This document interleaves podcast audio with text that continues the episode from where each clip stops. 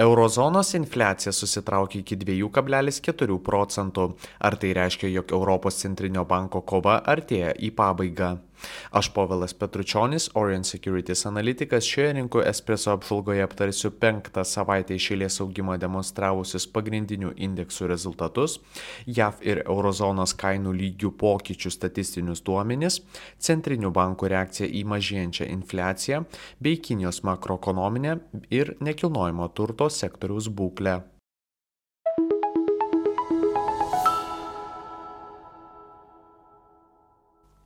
Svarbiausi praėjusios savaitės įvykiai - Junktinės Amerikos valstijos. Krentant infliacijai, akcijų ir obligacijų rinkos tęsia augimo ralį.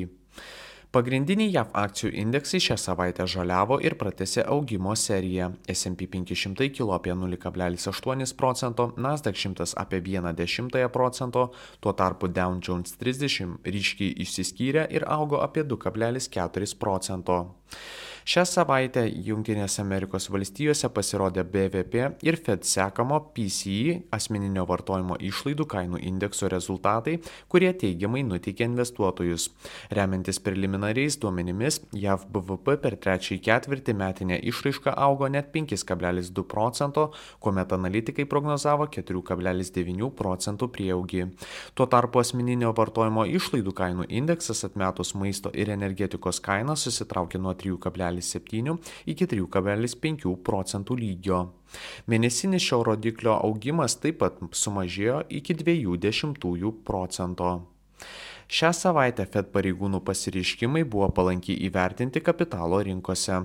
Išsiskyrė Fed tarybos narys Christopher Waller, kuris neslėpė, jog per artėjančius 3-5 mėnesius infliacijai leidžiantis tokiu tempu ir toliau galima tikėtis palūkanų normos mažinimo. Pareigūnas tikino, jog stebime vieną sparčiausių infliacijos lygio kritimų per visą istoriją. Tuo tarpu po Fed pirmininko Jerome Powell kalbos JAV išdo 10 metų trukmės obligacijų pajamingumas susitraukė iki 4,21 procento lygio, kuris nedaug nutolęs nuo žemiausio pajamingumo fiksuoto per pastaruosius 3 mėnesius. Į intensyvėjančias kalbas apie palūkanų normos mažinimą teigiamai sureagavo finansų sektorius, XLF fondas kiek daugiau kilo negu 2,2 procento, Bank of America 4,14, o Wells Fargo apie 4,9 procento. Kiek prasčiau sekėsi aukštųjų technologijų milžinams. Meta krito apie 4 procentus, Nvidia apie 2, o Alphabet apie 3,5 procento.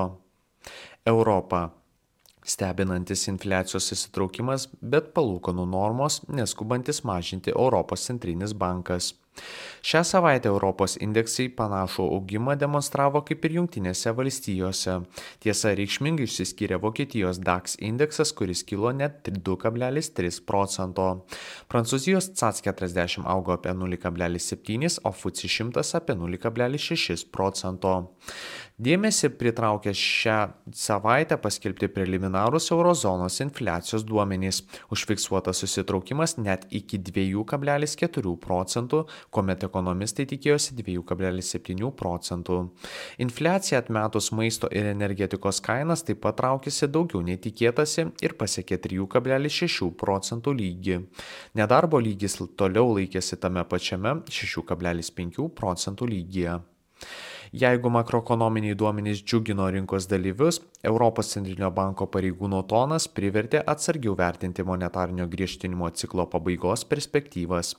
Dar prieš paskelbiant infliacijos duomenys, Europos centrinio banko pirmininkė Christine Lagarde Europos parlamente tikino, jog stiprus algų augimas bei neiškus makroekonomikos artimojo laikotarpio paveikslas neleidžia skelbti pergalės kovoje prieš kainų lygio augimą, kuris pastaruoju metu stipriai mažėja.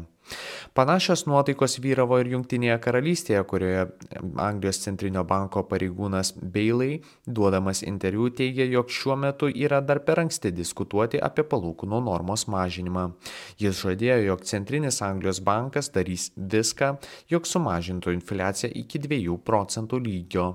Didžiausioje eurozonos ekonomikoje Vokietijoje nedarbo lygis paaugo 1,1 procento iki 5,9 procentų. Kita vertus, mažmeniniai pardavimai per spalio mėnesį kilo daugiau nei tikėtasi ir pasiekė 1,1 procento augimą. Reikšmingai išsiskyrė Vokietijos 10 metų trukmės obligacijų pajamingumas, kuris per savaitę nuo 2,64 procentų nukrito net iki 2,36 procentų procentų lygio. Antrą savaitę iš eilės stiprų akcijų kainos augimą fiksavo Adidas, kuris kilo apie 5,3 procento, bei Siemens augusi apie 3,4 procento. Euronext biržoje įspūdingą augimą užfiksavo Stellantis akcijų kaina, kuri pakilo apie 6,9 procento. Prasčiau sekėsi prabangos prekių vardams, LVMH krito apie 1,1 procento, Kering apie 3,4. Azija - nerimas dėl Kinijos nekilnojamo turto sektoriaus ir lėtėjantis industrijos įmonių pelnų augimas. Azijos akcijų rinkose vyravo neigiamos nuotaikos. Hongkongo Hang Seng indeksas per savaitę susitraukė daugiau nei 4 procentus, o Japonijos Nikkei 225 traukėsi kiek mažiau, tai yra apie 0,6 procento. Kinijoje sulaukta kiek prastesnių nei tikėtasi pirkimo vadybininkų indeksų rezultatų. Gamybos PMI antrą mėnesį iš eilės traukėsi ir nesiekė 50 punktų, o pirkimo vadybininkų indeksas neįtraukiantis gamybos sektoriaus siekia 50,2 punktų, kai ekonomistai prognozavo 50,6 punkto. Industrijos sektoriaus įmonių pelno augimas per pastarąjį laikotarpį sulėtėjo. Nuo metų pradžios šio sektoriaus pelnai susitraukė apie 7,8 procento, lyginant su tuo pačiu laikotarpiu praeitais metais. Tuo tarpu augant nerimui dėl nekilnojamo turto sektoriaus stabilumo, Kinijos institucijos išleido finansinio palaikymo planą, kuris turėtų prisidėti prie privataus sektoriaus atgaivinimo. Šiomis priemonėmis siekiama paskatinti finansavimą naudojant skolą, obligacijas ar akcijas. Japonijoje šią savaitę buvo sulaukę nedarbo lygio duomenų, kurie žymėjo rodiklio susitraukimą 1,1 procento iki 2,5 procentų. Remiantis preliminariais duomenimis, per spalio mėnesį industrinė produkcija augo 1 procentu, kai prognozuojama buvo 80 procento. Kinijoje šią savaitę kritimą fiksavo dvi didžiosios mažmeninės prekybos įmonės. JD.com smuko apie 4,3 procento, Alibaba apie 5,7. Po kelių didelio augimo savaičių Japonijos Panasonic akcijų kaina patyrė apie 4 procentų kritimą. Populiariausios savaitės antraštės Tesla Cybertruck pristatymas. Tesla klientai gavo pirmosius Tesla Cybertruck pick-upus. Tiesa, brangesnius nei tikėtasi.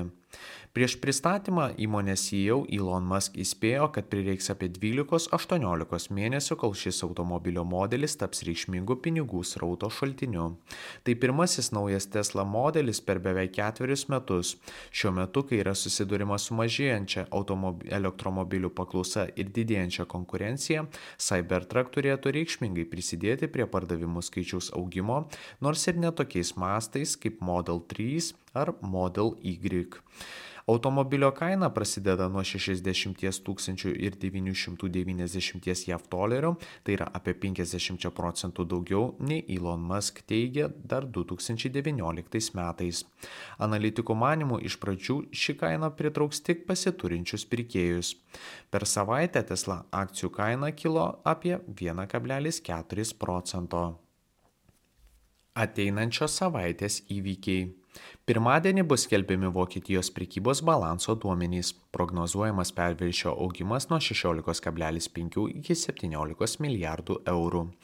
Antradienį bus sulaukta ISM paslaugų pirkimo vadybininkų indekso rezultatų bei laisvų darbo vietų skaičiaus. Tikimasi nežymaus PMI augimo nuo 51,8 iki 52 punktų bei darbo vietų kiekio sumažėjimo.